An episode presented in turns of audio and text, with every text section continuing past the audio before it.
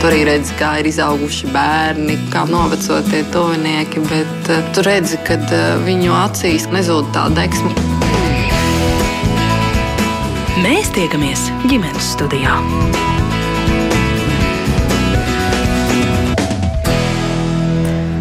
Labdien, redzējums ģimenes studija sāk savu skanējumu. Jūs sveicināta producents Sarmīta Kolāta un mans vārds ir Agnese Linka. Vasara klāt, daudz domā, kā tad bērniem, kam sācies brīvlaiks, to pavadīt kaut kā jēdzīgi, un, protams, viena no iespējām ir skolēnam vasarā atrast kādu darbiņu, skolēnu vasaras darba programmas ir arī valsts atbalstīts, ko tās piedāvā un kā bērniem un vecākiem pašiem varbūt sameklēt iespēju vasarā piepelnīties un iegūt kādu darba pieredzi. Par to mēģināsim runāt šodien redzījumā ģimenes studija. Un sarunas dalībnieces iesākumā būs Nodarbinātības valsts aģentūras nodarbinātības pasākumu departamenta direktora vietniece Vineta Leončika. Labdien! Labdien! Un arī dzen valsts darba inspekcija pārstāvēta šodien redzījumā metodiskās vadības un kompetenci pilnveides nodaļas vadošā jurista konsule Mārīte Noriņa. Labdien! Labdien! Ja.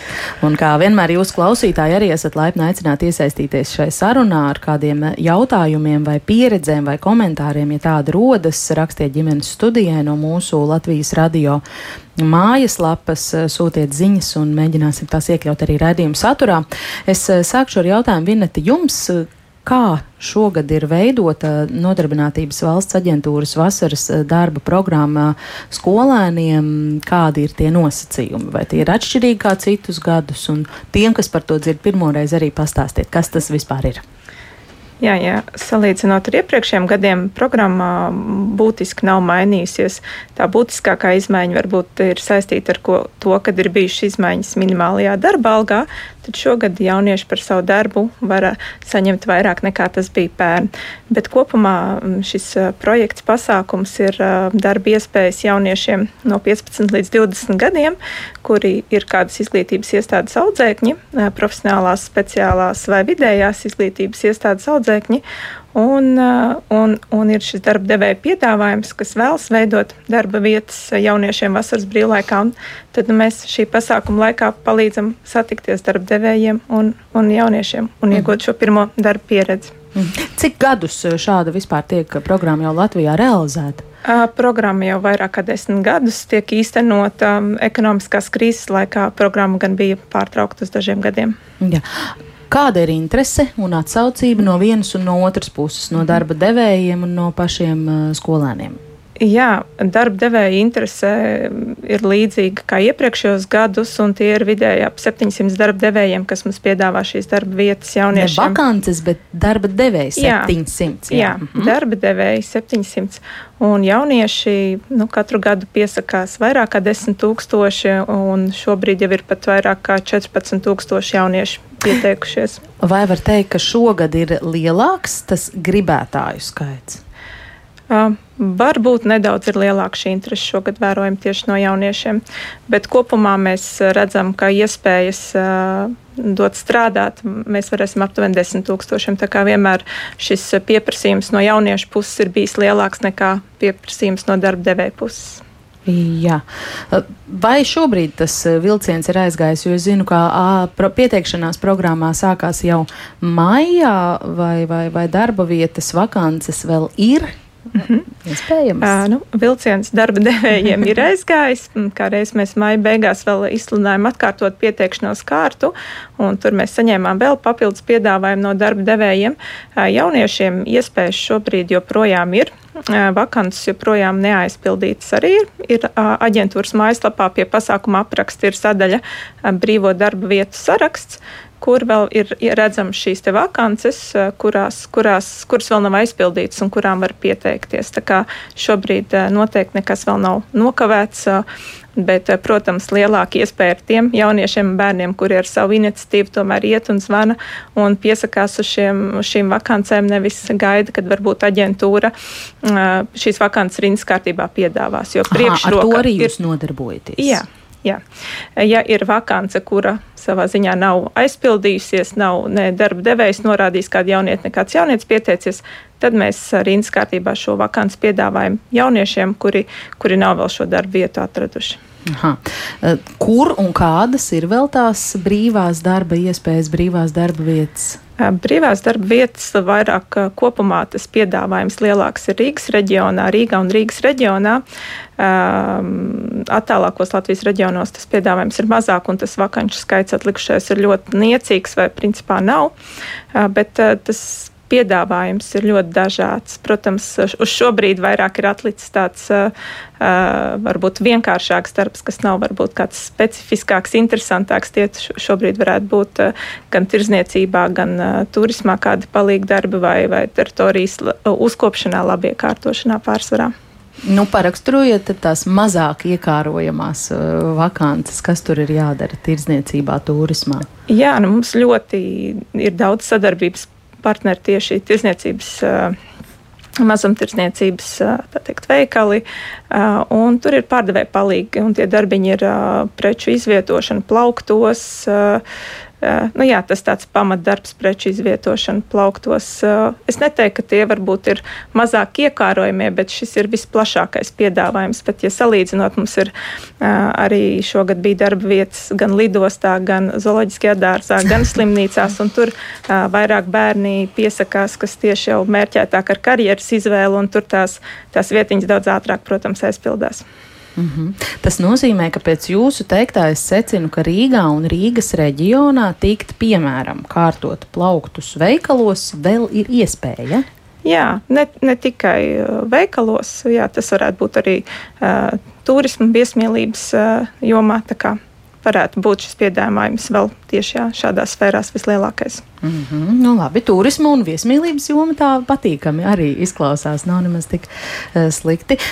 Vaicāšu, Mārīte, jums, kāds ir tas darba inspekcijas uh, skatījums, kā jūs lūkojaties uz skolānu vasaras nodarbinātības pasākumiem un kas varbūt šajā kontekstā ir tas svarīgākais, kas vecākiem par to būtu jāzina, jāliek aiz auss? Ne, protams, ka šis projekts ir atbalstāms un visnotaļ pozitīvi. Mēs arī to vērtējam. Bet nu, to, ko mēs gribētu varbūt um, atgādināt, ka tomēr vecākiem um, būtu jāizrāda varbūt dažreiz arī lielāka interese par to, kur tas bērns strādās. Jo, manuprāt, kādreiz tajā prieka brīdī vecāki var būt, kad eh, līdz galam arī nepainteresējās. Un, un bērns, ja viņš ir 15 gadīgs, kāds viņš šo, nu, arī šajā projektā var iesaistīties no 15 gadiem, viņš jau nu, gan vēl nav mm, tik ļoti atbildīgs un, un zinošs un tam līdzīgi.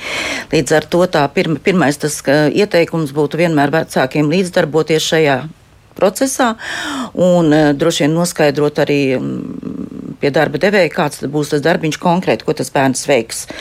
Protams, arī likumdošana uzliek zinām pienākumu darba devējiem attiecībā uz vecākiem, proti darba devējiem ir pienākums uh, pirms uh, šis bērns tiek nodarbināts, tātad informēt par darba vidas riska faktoriem, proti pēc būtības informēt, kāds tas darbs būs un kādi tur ir iespējamie riski. Varbūt tas izklausās mazliet tā šausminoši riski, bet jebkurā darbā ir riski. Jā, jā. Jebkurā darbā ir riski. Vienalga, sēžot arī pie galda un strādājot ar datoru, ir zinām riski. Līdz ar to tad ir iespēja arī vecākiem izvērtēt to darba vietu, jā, kur tas bērns tiks nodarbināts. Un, protams, arī jāaiziet bērnam, ir šī, jāsaņem šī medicīniskā izziņa, ja, ka viņš var veikt šo darbiņu. Un, protams, tad ir nākamais posms, kas būtu ļoti svarīgi. Tad, tad eh, pirms šī darba līguma noslēgšanas, tomēr laikam arī vecākiem būtu jāiepazīstas ar šiem līguma nosacījumiem. Šobrīd es runāju mazliet vispārīgi, ne tikai ar, eh, saistībā ar NVA projektu. Jebkurā gadījumā, ja bērns vasarā ir nolēmis strādāt. Un tā tad, protams, nevienmēr viss ir izglītot, un arī bērni droši vien nesaprot, ko nu viņam tur dot parakstīt. Tad nu, mans ieteikums būtu, kad ne jau uzreiz ir jāparaksta līgums, tomēr, lai tas bērns atnes šo darbu līgumu mājās. Nu, ja ar vecākiem kopā nevaram saprast, tad es ieteiktu zvanīt uz uh, valsts darba inspekcijas uh, konsultatīvo telefonu, painteresēties, pastāstīt, vai, vai šie līguma nosacījumi atbilst nu, darba likuma prasībām vai neatbilst. Jo, nu, arī vecāki kādreiz var apmūst, teiksim, un nesaprast tās ne, nianses. Protams, protams. Jā. Nu, kas, nu, tas galvenais, kas būtu jāievēro, kad uh, tad, tad tas darba laiks, ko šie bērni drīkst strādāt, tās ir tās septiņas 7 stundas. Es runāju par sākot ar 15 gadu vecumu. Uh -huh. 7 stundas dienā un 35 stundas nedēļā. Šiem bērniem nevar būt noteikts pārbaudas laiks, kas ir svarīgi ievērot. Ja? Nu, visdrīzāk tie, kas strādā vasarā, nu, tīri to vienu mēnesi, un nu, tīri objektīvi diez vai kāds arī nosaka. Jā, viņiem arī tāpat ir piešķirams pusdienas pārtraukums šiem bērniem pēc 4,5 stundām darbiņa. Nevar viņus nodarbināt virsstundu darbā, naktas darbā, nu tādas vispārējie. Tas ir tāds ieskicējums, kas ir tādas lielas lietas, kas būtu jāievēro.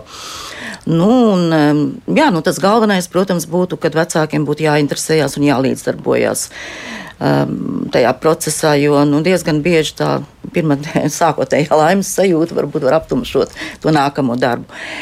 Un, um, nu, jā, diemžēl, kā rāda mūsu pieredze un prakse, ka pārkāpumi un, un, un arī netik patīkami notikumi notiek arī ar bērniem un pusaudžiem strādājot. Tieši nu, šo es gribēju jautāt par tām problēmu situācijām un jūsu tādu darba lauku iepriekšējos gados. Uh, jā, nu, Diemžēl, protams, tas ir jāsaka, diemžēl ar bērniem un pusaudžiem, varbūt vairāk es teikšu ar pusaudžiem, tādiem no 15 gadu vecuma un, un uz augšu.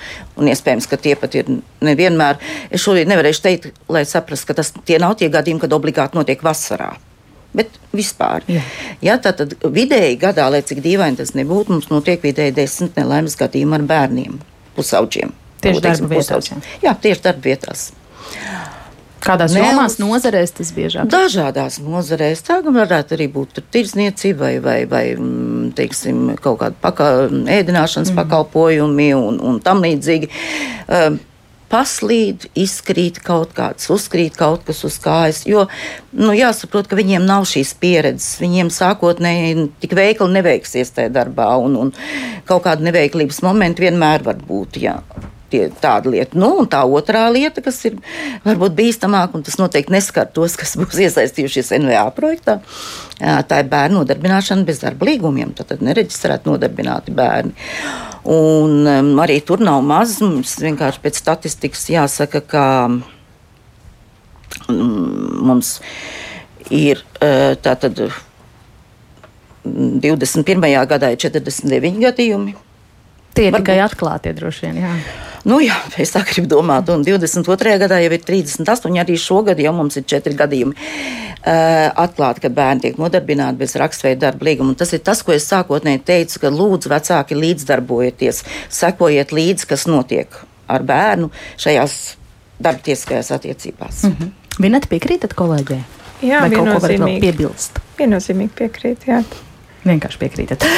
Savās pārdomās par iespējām un arī vēlmi skolēniem vasarā strādāt ar ģimenes studiju padalījās arī sešu bērnu māma Sindija Meluškāne. Eh, viņas pieredzē ir tādi ļoti dažādi piemēri, tā kā bērni ir daudz un dažādi vecuma, tad dažādas situācijas, kā un kāpēc bērnam izdodas vai neizdodas atrast peļņas iespējas eh, vasarā, paklausīsimies eh, Sindijas teiktajā.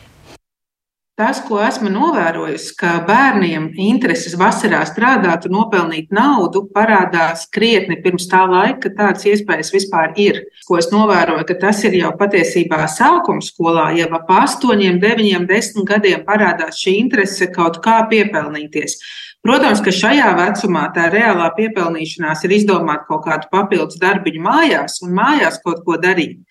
Bet tomēr es redzu, ka tie darbi, kas tiek piedāvāti no valsts un pašvaldības puses, dažādas šīs programmas, ka viņas ir iepriekš bija no 14 gadiem, tagad, ja nemaldos, ir no 15 gadiem, bet bērniem šāda interese darīt kaut ko arī ārpus mājas rodas jau no 12 gados noteikti. Un tas, ko es novēroju savulaik pie savu vecākā dēla, ka viņam 12 gados bija ļoti liela vēlme strādāt, viņi tur ar kaimiņu puikām lasīja puķes un meklēja, kā viņi var nopļaut zāli, kaut ko palīdzēt. Mazliet vēlāk, pēc pāris gadiem, kad jau it kā pienāk tā legālā iespēja strādāt, šī interese jau ir mazliet noplakusi. Protams, ka ne visiem, bet man bija tāda pieredze. Un es arī šobrīd ar saviem šī brīža pusauģiem, un mums tāda ir vesela trīs vecumā, no 15 līdz 17 gadiem, Es redzu, ka viņi ir ļoti gribējuši strādāt arī iepriekšējās vasarās. Covid laikā tas bija pavisam grūti. Tās darba iespējas ir diezgan švakas, jo pat izpildot visus kritērijus un piesakoties NVA, mēs redzam, ka īstenībā tās vakances pazūd nenormālā ātrumā. Mums nu pat bija pieredze, ka kolēģi, kuri strādā Rimī, teica, re, kur ir Rimī vakants pieteikties jauniešiem. Un man bija doma, nu labi, tad vakarā parunāšu ar saviem jauniešiem, un viņi varēs pieteikties. Vakarā skatoties, viss jau bija aizņemts. Un pēc tam ar šo kolēģi runājot, tā kā viņi vienkārši zina no otras puses to procesu, izrādās, ka šīs vakants aizpildījās nepilnas stundas laikā. Vārds sakot, šī interese ir daudz lielāka nekā reālais piedāvājums. Mums robežu novadā pašvaldība piedāvā jauniešiem pieteikties, un vismaz vienu mēnesi viņi var strādāt kādu no pašvaldības darbiem. Tas drusku iebremzēja Covid laikā, objektīvu iemeslu dēļ, un tobrīd laikam varēja vasarā tikai no maznodrošinātām ģimenēm strādāt. Bet šobrīd tas atkal ir spēkā, un, piemēram, jau šonadēļ mana vecākā meita, kurai ir 17 gadi, viņa tiešām arī strādā Ulbrukas skolā, veic remontu darbus, un tā ir brīnišķīga iespēja, ko piedāvā pašvaldība, jo es saprotu, ka pašvaldība atbalsta šos uzņēmējus, kas ir pieteikušies vēl papildus tam, ko nodrošina valsts programma. No kāda vecuma tad ir pašvaldības piedāvājums aktuāls un iespējams? Arī no 15 gadiem. Un uh, es domāju, ka tas arī ir pa vēlu. Mums pat bija ironiski, ka mums ir jaunākā no mūsu pusaudzēm. Labi, viņai ir 15 gadi, un viņa varēs šogad to darīt. Bet, ja nemaldos, pagājušo gadu pēc tā Covid laika vai nebija šis vecuma slieksnis vēl pat uh, paaugstināts. Un viņa visu laiku, tad, kad viņai bija 13, tad paaugstināja no 13 līdz 14 gadiem, pēc tam paaugstināja uz 15 gadiem. Un, bet tas stāsta par to interesi, ka viņai tiešām no 12 gadiem gribējās strādāt. Viņa gaidīja tos 13 gadus, lai varētu vasarā strādāt, un tādā brīdī paaugstināja uh, vecuma slieksni ir ļoti grūti, ja nav šāda atbalsta no pašvaldības vai no valsts. Pašiem vecākiem ir ļoti grūti sameklēt šādas iespējas, jo mēs esam meklējuši. Jā, droši vien, ka ir palīdzība kādā zemeņu lasīšanā vai kādā ražas novākšanā. Tur, protams, ir jautājums arī, cik lielā mērā šie paši zemnieki grib varbūt ņemt tieši jauniešus, kas iespējams tomēr nav ar tādu uh, spēju strādāt no rīta līdz vakaram, kā varbūt kāds pilnvērtīgs pieaugušs cilvēks. Un man šķiet, ka arī zemniekiem netiek piedāvāts nekāds atbalsts no pašvaldības vai no valsts uh, programmām, lai viņi varētu atbalstīt šādus jauniešus. Jo šāds atbalsts ir vajadzīgs tiem uzņēmumiem, kuri piedāvā nodarbinātību. Īstenībā tā pieredze man, man šķiet, ka pat ir būtiskāka nekā tā piepelnīšanās, jo viņa gūst pieredzi rakstīt savu CV, viņa gūst pieredzi slēgt darba līgumu. Tagad pat mēs kopā ar 17-gadīgo meitu, bet tomēr viņa nezināja, kas ir bankas SWIFT kods, kas ir jāievada līgumā. Un te ir tā pieredze, kur viņai ir iespēja to pirmoreiz uzzināt, iet soli pa solim, lai to pēc tam jau pati savā dzīvē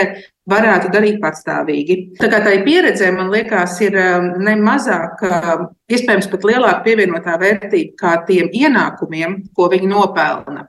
Un tu minēji tos mājas darbus, bet šajā gadījumā vecākiem vienmēr ir tā dilemma, kurā brīdī un kāpēc tu sāc maksāt par mājas darbiņiem bērnam, kurš arī dzīvo tajā pašā mājsaimniecībā un galu galā arī droši vien ir kaut kādā mērā ieinteresēts, lai zāle būtu nopļauta, trauki nomazgāti un tā tālāk. Kāda ir tava kā māmas pozīcija šajā? Nu, man liekas, ka te ir svarīgi nošķirt, ka tā nav varbūt arī tāda ikdienišķā lieta, ka tagad mēs vienkārši to maksāsim par mājas darbiem, bet manā pieredzē es esmu maksājis bērniem par ekstra darbiem. Piemēram, mums vienu brīdi bija mājpalīdzi, kas nāca nu, mājas kārtu, ar mājas kārtošanu palīdzēt. Tas nozīmē, ka viņi taisīja tādu ģenerālo tīrīšanu. Un tad vienā brīdī viena meita teica, bet es to varu darīt par šo pašu samaksu. Un tad tas neatceļ viņas ikdienas pienākumus, bet šis ir ekstra. Nu, piemēram, kaut kas tāds, par ko mēs vienojamies, kā tādu lielo ekstra pienākumu.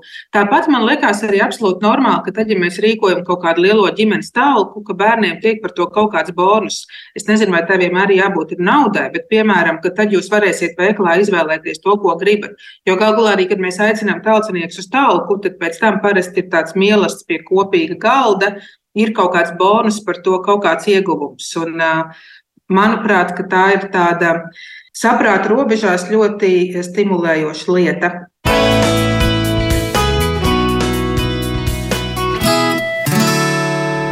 Tālāk, sešu bērnu māma Sindija, kādi komentāri par mammas teikto? Vinet? Jā, un es varbūt arī aģentūrai pa laikam interesējas un vēlas jau jauniešus nodarbināt agrākā vecumā. Nu, konkrēti aģentūras programma ir no 15 gadiem, bet katru gadu mums interesējas arī 13 gadīgi un 14 gadīgi jaunieši, kas vēlas tikt nodarbināti.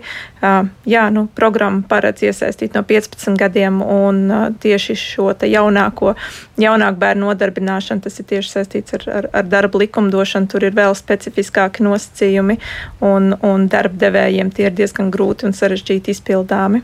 Bet visus gadus iepriekš nav bijis šis vecuma slieksnis tieši 15 gadi. Tieši aģentūras programmā tas ir bijis. Vienmēr 15 jā, gadi. Jā, pēdējos gadus viennozīmīgi. Jo es zinu par bērniem, kas ir iesaistījušies arī oficiālās vasaras darba attiecībās no 14 gadu vecuma. Jā, vairākas pašvaldības arī īsteno programmas, un man ir zināms, ka vairākas pašvaldības arī jaunākus bērnus nodarbina. Tā kā mm -hmm. tas varētu būt kāda pašvaldības programma. Jā, bet NVA neko tādu nav darījuši un, un nedarīs. Neplānojat, jā, nu teiksim, ļoti, pazemināt tos liekas. Jā, nu ļoti, ļoti sen, bet pēdējos uh, desmit gadus viennozīmīgi šis vecums ir bijis 15 gadi un, un nav plānots samazināt. Jā. Mm. Mārit, kur jūs varbūt varat uh, raksturot to sarežģītību, nu gribās tiem mazākajiem bērniem arī tāpat kā māsām un brāļiem, vai vienkārši gribās piepelnīties, pastrādāt vasarā, sajusties noderīgiem un skumji, ka māma atzīst patiesībā, ka kamēr bērns gaida, ka pienāks tie 15 gadi un drīkstēs piestrādāt, tā motivācija vairs nav tik liesmojoša. Nu, nē, nu, bērni jau var vasarā. Viņi var strādāt no 13 gadu vecuma. Bērns var, ir ministru kabineta noteikumi speciāli, kur ir minēti tie darbiņi, kurus bērns var strādāt un drīkst strādāt. Līdz ar to es neteiktu, ka tā e, nu, nebūtu. Protams, šeit ir varbūt problēma, kad tur jāiesaistās atkal vecākiem, lai šo darbiņu sameklētu. Un es nedomāju, ka tāds 13 gadīgs bērniņš nu, pats tur spējīgs, un varbūt ne, nu, var jau būt, ka Vai viņš arī var un atrod, varbūt, ka jā, un, ir, un atrod, jā, jā. Un, jā, nu, arī tā var būt. Ierīču bet, pavēlnieki. Bet, jā, un sameklēt šo darbiņu strādāt. Protams, tikai jāatcerās, ka nu, viņš arī strādās tad vasarā tikai šīs 4 stundas dienā un tās 20 stundas nedēļā. Pieļauju, ka tas arī varētu būt viens no iemesliem, kāpēc nu, šis darbdevējs, ja varbūt kāpēc ir grūti atrast šo darbu. Tā es gribētu teikt, kad tādiem darbiem kur varētu šādu darba laiku piemērot tam bērnam, kurš strādā.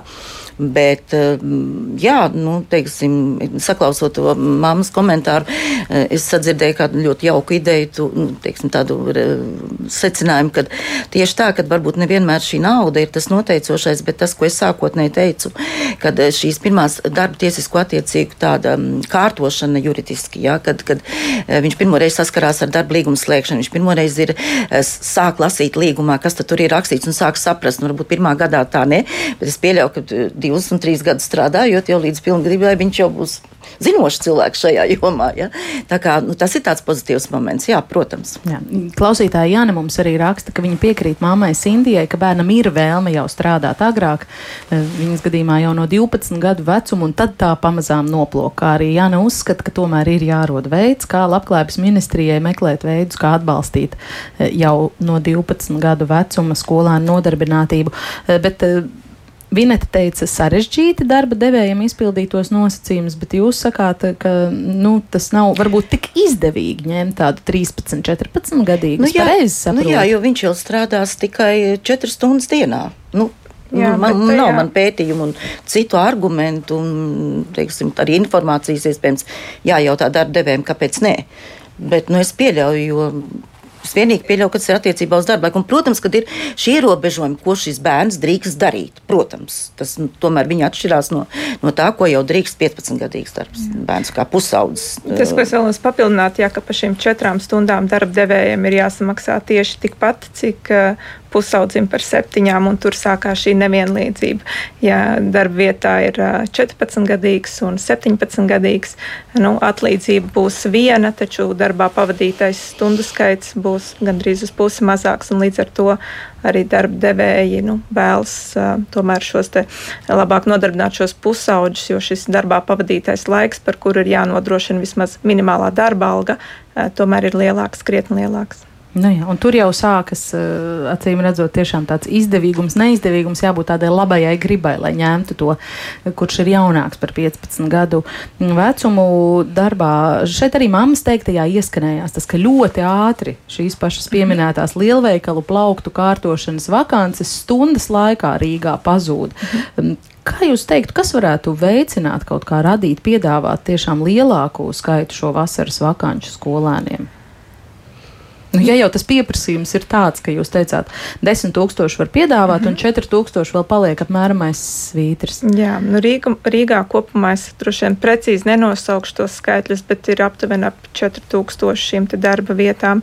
Protams, ar jauniešu skaits Rīgā ir ļoti nu liels, jā, jā. un tur arī veidojas šī konkurence, bet, protams, nu, nevar piedāvāt to, kā nav. Nu, darba devēji, mums ir ļoti arī liela darba devēja. Viņi piesaka noteiktu un pietiekami lielu darba vietu skaitu, bet uh, laikam tāda situācija, ka, ka pilnīgi tas piedāvājums sakritīs ar pieprasījumu, uh, nu, šobrīd vēl mēs pēdējos gadus noteikti neredzam, ka tā tas ir. Tā kā, tas pieprasījums vienmēr ir lielāks. Bet darba devēji tiek kaut kā mudināti, stimulēti iesaistīties tieši NVA programmā. Kas viņiem par to? Jā, viņiem par to ir uh, gana būtiski būtiska finanšu atlīdzība. Tātad valsts kompensē pusi no jauniešu algas par mēnesi. Tātad, ja darba devējs ir noteicis minimālo algu, tad aģentūra kompensēs pusi no šīs algas.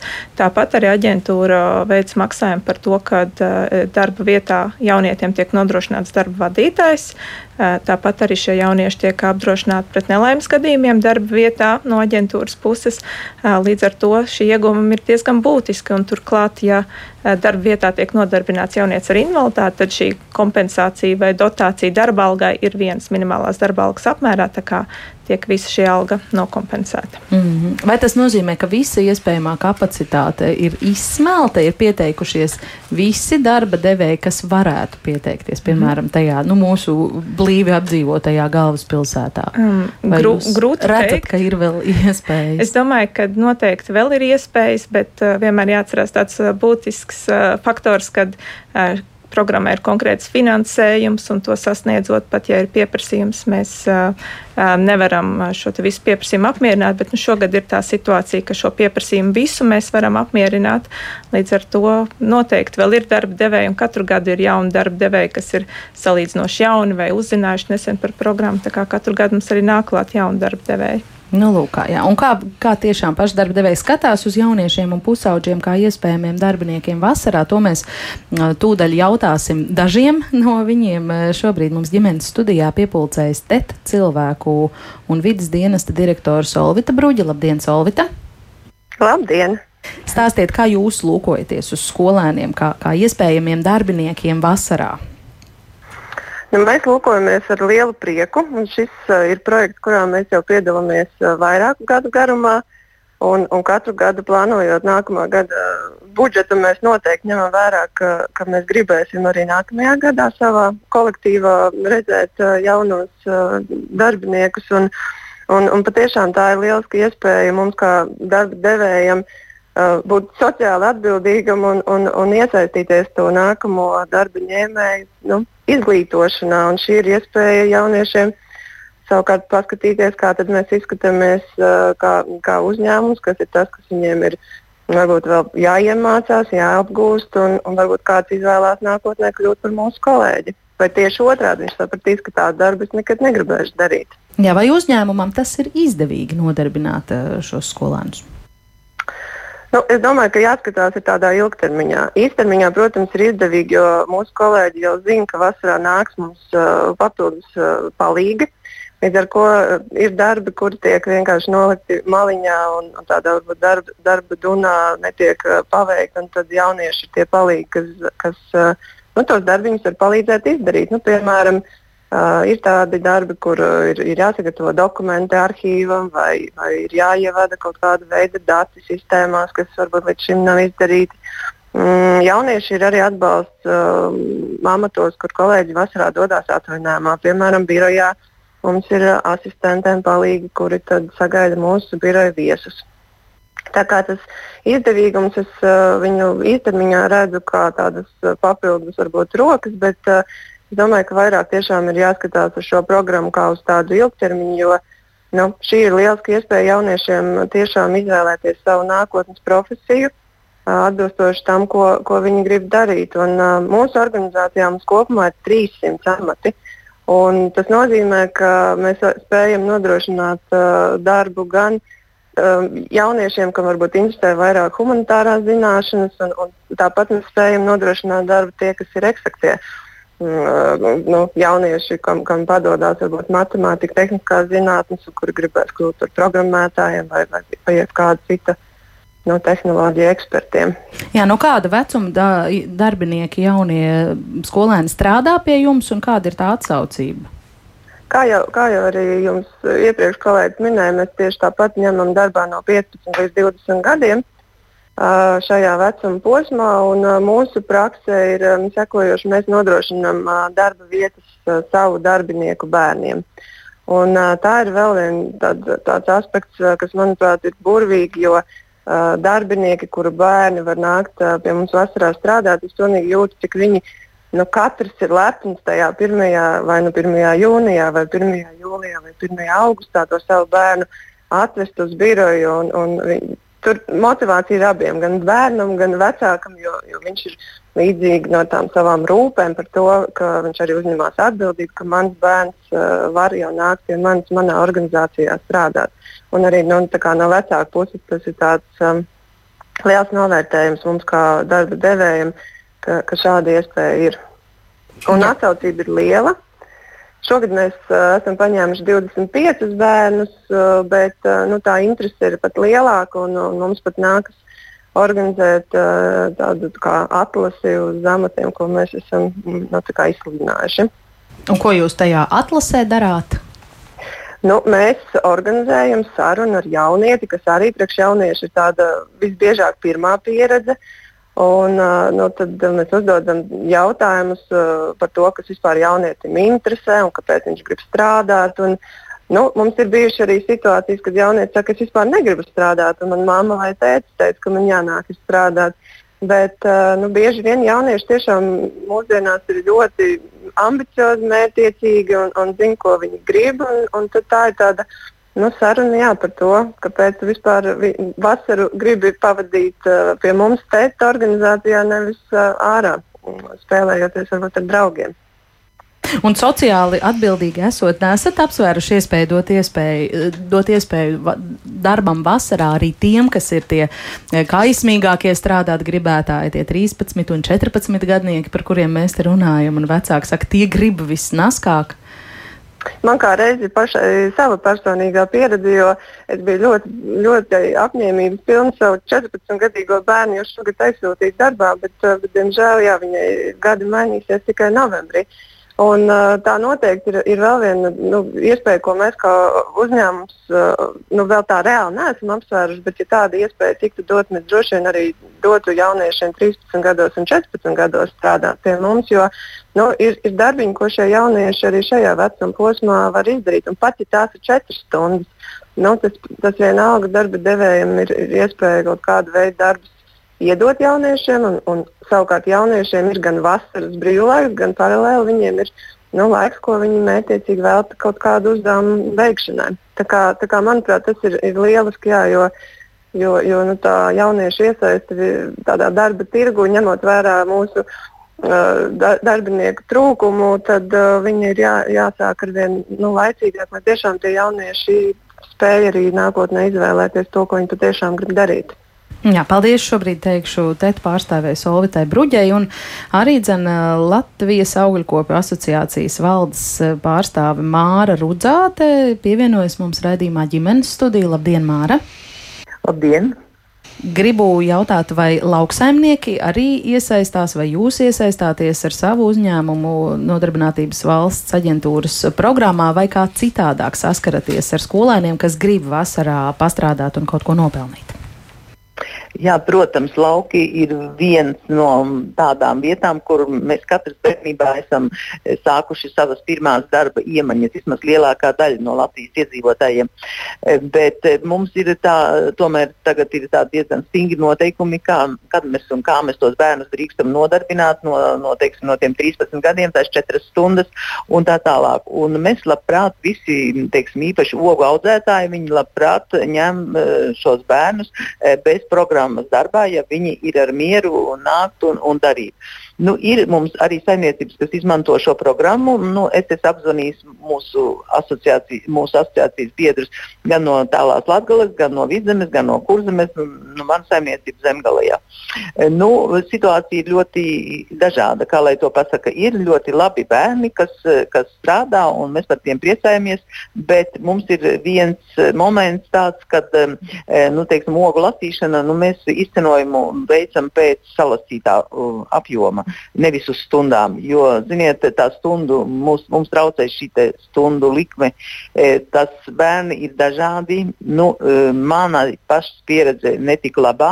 Tas ne pagājušā vasarā, bet divas vasaras iepriekš. Nu, es izmantoju šo programmu.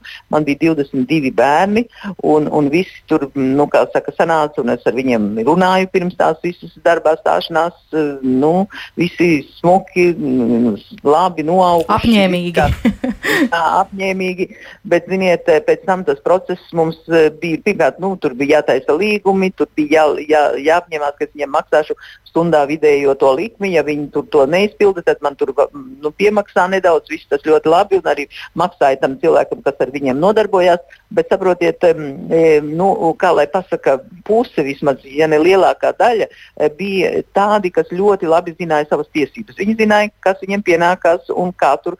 Un arī mammas, piedodiet, viņas arī ļoti labi zina tiesības, kādas notiek šajā programmā. Man tur pat, e, teiksim, slimības lapas prasīja un, un vēl tur visādas lietas. Un, un skatījās līdzi, cik nu, tagad tomēr vairāk vajadzētu maksāt, kā tā, tā viņi tur ļoti nogurusi. Darbs jau ir diezgan nu, smags, es teikšu tā, tomēr nu, neteiksim, ka smags, bet viņš ir pacietība vajag, teiksim, tev vajag visu to attiecīgo darba laiku tiešām tā intensīvi darboties. Un, un, un tad tur, man tur pat iznāca tur problēmas, tur tādas, kad, nu, E, katrā gadījumā mēs tāds bija viens mēģinājums šo programmu izmantot. Tagad es labprāt ņemu bērnus. Ir ļoti labi bērni. Man, piemēram, viens tāds puisis bija, viņam bija 15 gadi. Viņš viņu tur krustēvs atveda un viņš man strādāja. Un tā, un beigās viņš saka, viss viņš vairāk nestrādās. Es viņam jautāju, kāpēc tu vairāk nelasīsi tās ogas. Es jau nopelnīju. Viņam bija plāns, viņam bija jānopērk jaunas botas, un viņš izreikināja, cik tās botas maksā, un viņš tās botas nopelnīja. Brīnišķīgi.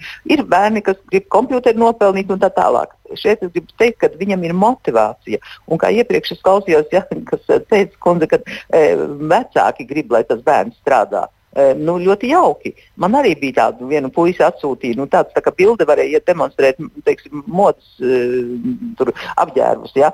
Bet nu, viņš līdz pusdienas laikam tur pabija drusciņi, dažas sokas pagaršoja un teica, ka tas nav priekš viņa. Nu, tātad, ja bērnam ir motivācija, ja tā motivācija, ziniet, viņam vajadzētu jau no kādiem gadiem, 10, 10, 11, 12. Man bija 9 gadi, man iedeva kapli un ej pa to lauku. Ja? Un gribi ej, gribi nē, bet tev tur tāds gabals ir jāizravē. E, un ne, nu, tie bija citi laiki, tā bija cita valsts, tur nebija aizsardzība un, un tā tālāk bērnu. Nu, tāda situācija. Jā. Mārs Kundze, jūs mums te radījāt Par... jautrus brīžus, jā, studijā. Labi, jā. piebilstiet, pabeidziet ātri. jā, gribēju pateikt, Latgalē man tur ir viena kompānija, kas man teica, viņi izmanto piecus bērnus tad e, vidzemē tur viņi arī deviņus, tad, e, bet tā kurzemē tiem arī bija slikta pieredze. Bet viņi izmanto mm, šos bērnus, kas ir pazīstami. Zinām, vecāku bērnus, nu, jau kaimiņi, tur vēl kaut kas tāds, nu, kad ir maza tā grupiņa, un ja tu pazīsti to cilvēku, pazīsti to bērnu, savādāk tas notiek. Ziniet, savādāk tas notiek. Nu, man bija tāda nu, nevisai laba pieredze. Tā, saku, viena meitene bija, kas vispār izpelnīja 6 eiro, ja, bet man viņai pa dienu, bet man viņai bija 24 jāmaksā pēc nolikuma. Ja, bet nu, bija arī meitenes, kuras nopelnīja 27. Ja. Nu, tātad palika pāri, ko tam slinkākajam samaksāt. Saprotiet, e, šeit e, teiksim, ļoti labi būtu zogu lasīšana, bet vajadzētu citu. Es jau runāju ar mūsu darba inspekciju, bet viņi tur neko, nu, kāds likumi ir tādi, ka, teiksim, ja maksātu piemēram, mana doma būtu par salasīto mm, teiksim, daudzumu, un tie, kas čaklu strādā, tiem vēl piemaksātu. Nu, un kur ir švaks strādā, nu tad nekā, cik nopelni tik ir.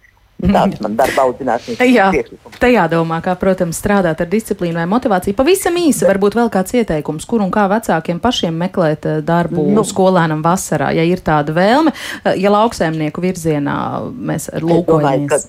Es domāju, ka ogu lasītāju un arī, teiksim, kaut kur jūnijā tur pa, to um, nu, pa, ravētāju, pie stāda audzētavās ļoti vajadzīgs ir darbs. Darbs ļoti vajadzīgs. Arī, teiksim, tur um, kaut kāds stādījums vai, vai preces sagatavošana tirgumu. Man bija, teiksim, bērni, kas strādāja tur šķirotavā un, un fasēja tās ogas, bet nebija pat programma. Tas bija, e, nu, kā normāli pieņemti darbā. Brīnišķīgi strādāja, pat tur lielie cilvēki līdzi netika. Ja?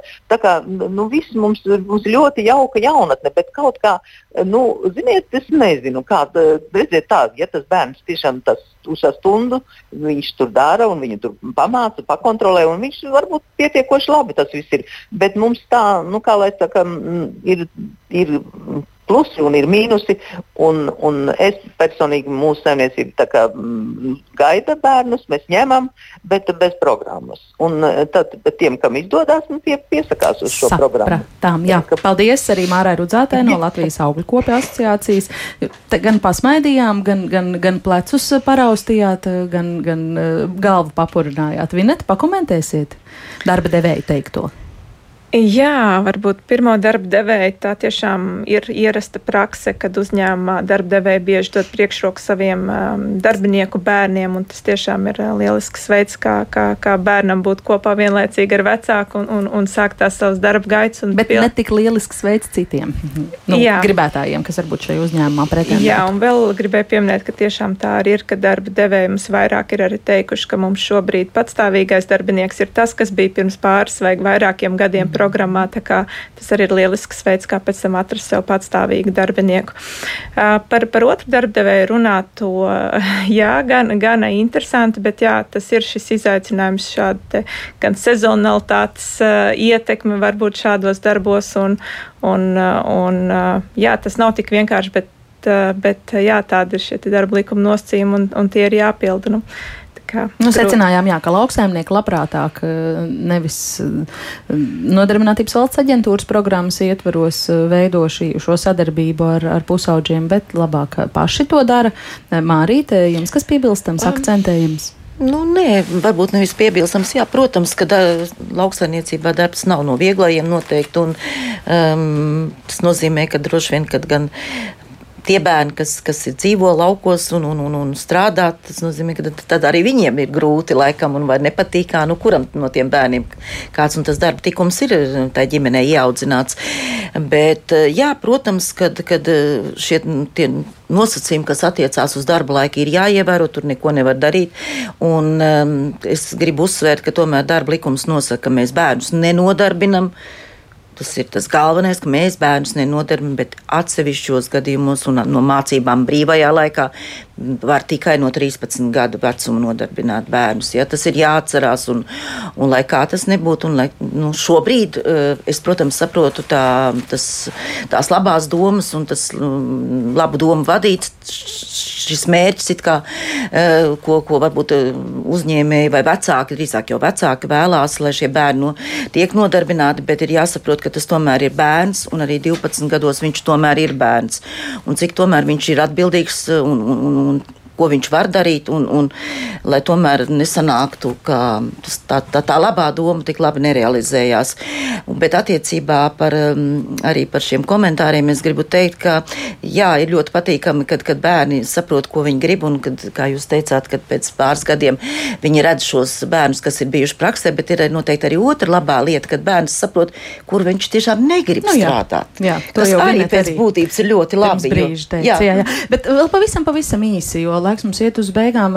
Ministru kabineta noteikumus jūs pieminējāt. Tad tie 13 un 14 gadnieki, ko viņi drīkst darīt? Nu, Māma arī ierakstā iepriekš pieminēja puķu lasīšanu, zāles pļaušanu kaimiņiem, kaimiņu Labi. bērnu pieskatīšanu. Jā, nu, Varbūt es, pavisam es tā, tā nu, nelasiet, nu, pavisam, bet, ne, es bet nevaru nelasīt visu no galvas tiešām pat arī nezinu.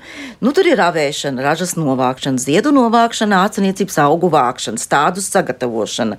Um, teiksim, laukumu un sfēru sakopšanu, nu, visdrīzāk parkos, kas nozīmē kurjeru darbu veikšanu. Nezinu, vai tas tagad ir tik ļoti aktuāli, bet nu, ir šāda lieta. Preču saiņošana, iepakošana, etiķeķu līmēšana. Tas ir, nu, tas ir tādam 13, 14 gadīgam vecam bērnam. Mm -hmm. ko, ko, ko drīkst šie bērni vispār darīt? Nu, es tā dažus vienkārši nosaucu. Ja, tad, tad. Jā.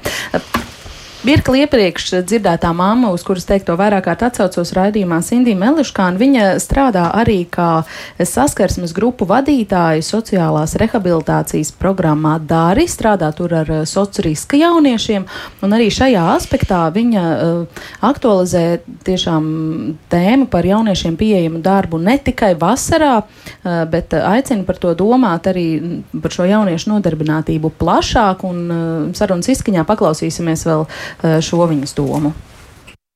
Man liekas, ka tas ir jāskata tiešām plašāk, ne tikai vasaras darba uh, kontekstā, bet arī uh, visa gada nodarbinātības kontekstā.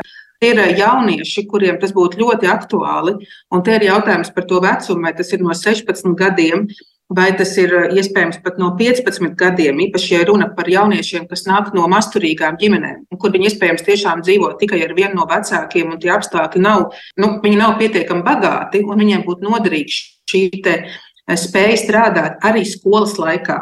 Un ka arī tur, manuprāt, būtu nepieciešama valsts vai pašvaldības atbalsts. Jo uzņēmēji, lai ņemtu darbā, piemēram, pusaudzi, kurš eh, strādā paralēli skolā, viņam vajag kaut kādu ieinteresētību.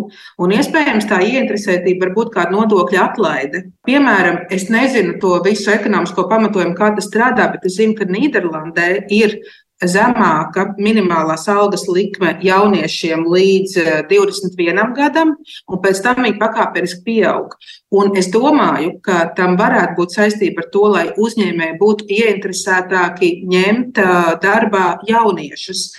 Tāpēc, ka tiešām ir daudzas ģimenes, kurās tas var būt kā ļoti vērtīgs pienesums kaut vai tam, lai jaunietis var pats iegādāt sev kaut kādas lietas. Turklāt tam ir arī tāds ekonomisks ieguvums, ka ir jaunieši tā sauktie ielu bērni, neslēpsim, kuri mēdz arī nodarboties ar dažādiem nelegāliem biznesiem. Jo, ja man nav iespēja nopelnīt naudu legāli, Un tas tiešām ir grūti. Man liekas, ka ir dažas tās vietas, kuras pieņem studentus, skolēnus, bet no 16 gadiem. Bet ir arī 15 gadīgi jaunieši, kuriem ir svarīgi piepelnīties. Un, ja viņiem šādas iespējas nav, tad viņi meklē veidu, kā to izdarīt nelegālā veidā. Nu jā, kāds droši vien varbūt varētu teikt, ka šis vēl ir vecums, kad cilvēkam ir lausties sava laika, jāvelta izglītībai un savas nākotnes nodrošināšanai. Kā tad mēs viņus tā tagad laidīsim iekšā darba tirgu un liksim viņiem strādāt. Es domāju, ka tie jaunieši, kuri uh, ir um, nodrošināti, visticamāk arī nerausies strādāt uh, 15, 16 gados. Toties tie jaunieši, kuriem tā būtu nepieciešamība, viņiem šāds atbalsts ir nepieciešams. Iespējams, ka varbūt runa piemēram par vecumu 16 gadi vai 9 klašu izglītība, un ka ja tad, ja jaunietim ir ļoti liela vēlme un vajadzība strādāt, un, piemēram, ir kāda sociālā dienesta izziņa, jā, ka šim jaunietim tas būtu nepieciešams. Jo tie jaunieši, kas nāk no tādām sociālā riska ģimenēm, nu, ļoti bieži nav tā, ka viņi pēc skolas, nu, ka viņi, teiksim, to laiku, par ko mēs tagad runājam, ka varētu veltīt izglītībā, interešu izglītībā, viņi tāpat to nevar darīt, jo viņiem nav tādu iespēju, piemēram, nodrošināt sevi interešu izglītību. Un ir bijusi pieredze arī strādājot ar šiem sociālā riska jauniešiem, kad jaunietis stāsta, kā viņš veiklā ir nozadzis džemperi, un viņš man to stāsta, un es saprotu, bet viņam tiešām nav. Viņam reāli nav citas iespējas, kā tikt pie hūdija ar kapuci, lai par viņu varbūt skolā nesmietos. Nu, šausmīgi, bet tāda reizēm ir tā realitāte. Runājot par to, ka nav runa tikai par naudu, bet par pieredzi, man īstenībā ir ļoti žēl, ka nav vairs tādas lietas skolā, kā vismaz mūsu laikā bija jāiet katru gadu vasarā trīs dienas palīdzēt sagatavot skolu nākamajam mācību gadam. Un tas ietvēra gan reizēm nokrāsošanu, gan no, gan, teiksim, grīdu krāsošanu, kāpņu tīrīšanu, logu mazgāšanu. Man īstenībā ir žēl arī par to, ka nav vairs dežūras skolā. Jo kas jau ir vēl viena lieta par to nodarbinātību un arī par tiem jauniešiem. Viņi ir tādā vecumā, kad viņi meklē savu identitāti, un viņiem īstenībā ir svarīgi būt iederīgiem. Un turklāt viņiem ir svarīgi būt iederīgiem un piederīgiem ne tikai savā draugu grupā, tajā ļoti, ļoti, bet principā viņiem ir svarīgi būt piederīgiem un iederīgiem šai sabiedrībā, ka es varu kaut ko dot, tas dod milzīgu vērtīgumu izjūtu par to, ka es šeit neesmu liekas. Un, piemēram, ir taču kaut kādi darbi bērngārzos, kur regulāri trūks darbiniekus, kur varētu, piemēram, tādu pusauģi pēc skolas uz pāris stundām un iet palīdzēt saģērbt bērnus, kad viņi ir jāved ārā. Tās ir risināmas lietas, un līdzīgi kā Nu, piemēram, mums ir programma, kā iesaistīt eh, cilvēkus ar eh, dažādām grūtībām darba tirgu. Tāpat man liekas, ka eh, būtu jāpievērš uzmanība tam, kā iesaistīt jauniešu darba tirgu. Te nav runa par pilnu slodzi darbu, bet ja viņiem ir iespēja būt noderīgiem, vērtīgiem, tas arī var veicināt to sasaisti, ka viņš gribēs pabeigt to devīto klasi. Te es atkal par tādiem grūtajiem jauniešiem runāju. Tas veicina to, ka nevis Viņš ir tikai tāds, no kura visi novēršana varbūt tur strostē un vēl draud ar policiju, bet ka viņš dod kaut kādu labumu sabiedrībai.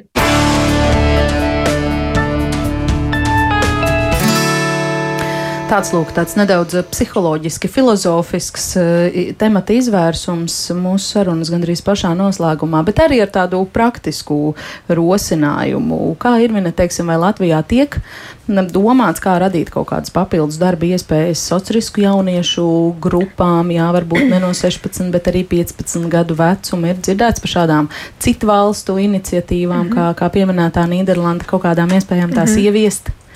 Nu, jāsaka, Nodarbinātības valsts aģentūrā ir atsevišķas programmas, eh, kas ir eh, tieši arī mērķētas uz jauniešiem, uz prasmju attīstīšanu, gan arī uz subsidētajām darba vietām. Bet, nu, protams, pamatā nu, mēs nesagaidām, un tā tas arī nenotiek, ka, ka, kad atnāk 15 vai 16 gadīgs jaunietis. Pārsvarā tas ir jaunietis jau vai, vai nu pēc jā, jau vidusskolas, vai, vai, vai nu, tomēr ne 15 gadīgs. Jā. Bet mm. programmas atsevišķas ir tieši ar šai mērķa grupai. Mm. Tiem atliek pagaidām vilkta dzīve līdz pilngadībai, kā nu sanāk. Jā, nu, kopumā es jau arī, tād, protams, šie ir izņēmumi un tādi specifiski gadījumi, bet, protams, arī piekrīt tam viedoklim, ka ir jādara viss, lai šajā laikā jaunieši varētu tiešām mācīties un veltīt šo laiku izglītībai, nevis mm. risināt savu, savu ģimenes vai kaut kādu vecāku problēmas, nu, meklējot šo nodarbinātības iespēju. Jā. Bet jā, situācija sarežģīta, protams. Mārīt, ko jūs šeit varbūt sadzirdējāt svarīgu? Jā, protams, bet nu, atkal, protams, mums kā uzraugošai institūcijai, kur regulēka ko nosaka likums, kā vienmēr sakam. Diemžēl likums arī nosaka to, ka, ja jaunietis turpina iegūt izglītību, pamat izglītību, vidējo vai, vai arī profesionālo izglītību, tad viņam šis darba laiks ar mācību laiku skaitāms kopā. Proti, tas var būt tikai 35 stundas nedēļā. Nu, jā. Un šodien ieraudzīju mani kolēģi no Latvijas Radio 1 eh, sociāliem tīkliem, ir arī publiskojuši tādu tieši centrālās statistikas pārvaldes tādu mm, infografiku, kur rakstīts, ka 2022. gadā 31 tūkstotis jauniešu vecumā no 15 līdz 29 gadiem nestrādāja, nemācījās, neapguva arodu. Tas varbūt eh, pieliekot daudz punktu šai sarunai, jā, tiešām vieta diskusijām šķiet mums paliek atvērta. Paldies par visām zināšanām, ar ko dalījāties šodien ģimenes studijā viesojās Nodarbinātības eh, valsts aģentūras pārstāva Vineta Leončika un arī Mārīta Noriņa no valsts darba inspekcijas. Eh, Radījumu šodien veidoja Sarmīta Kolāte, pieskaņa pults Katrīna Bramberga, mans vārds ir Agnese Linka. Teju 70% no atklātajām viltotajām precēm Latvijā esot rotaļlietas, un eksperti norāda, ka šādas eh, preces var būt bīstamas bērniem, kā atpazīt, ka tāda prece ir viltota un kādus riskus galu galā nedrošas rotaļlietas rada mūsu bērnu veselībai. Par to mēs runāsim redzījumā ģimenes studija rīt, kā vienmēr no diviem līdz trījiem. Klausieties mūs arī podkāstos, mobilajā lietotnē un sekojiet ģimenes studijai sociālos tīklos uz sadzirdēšanos.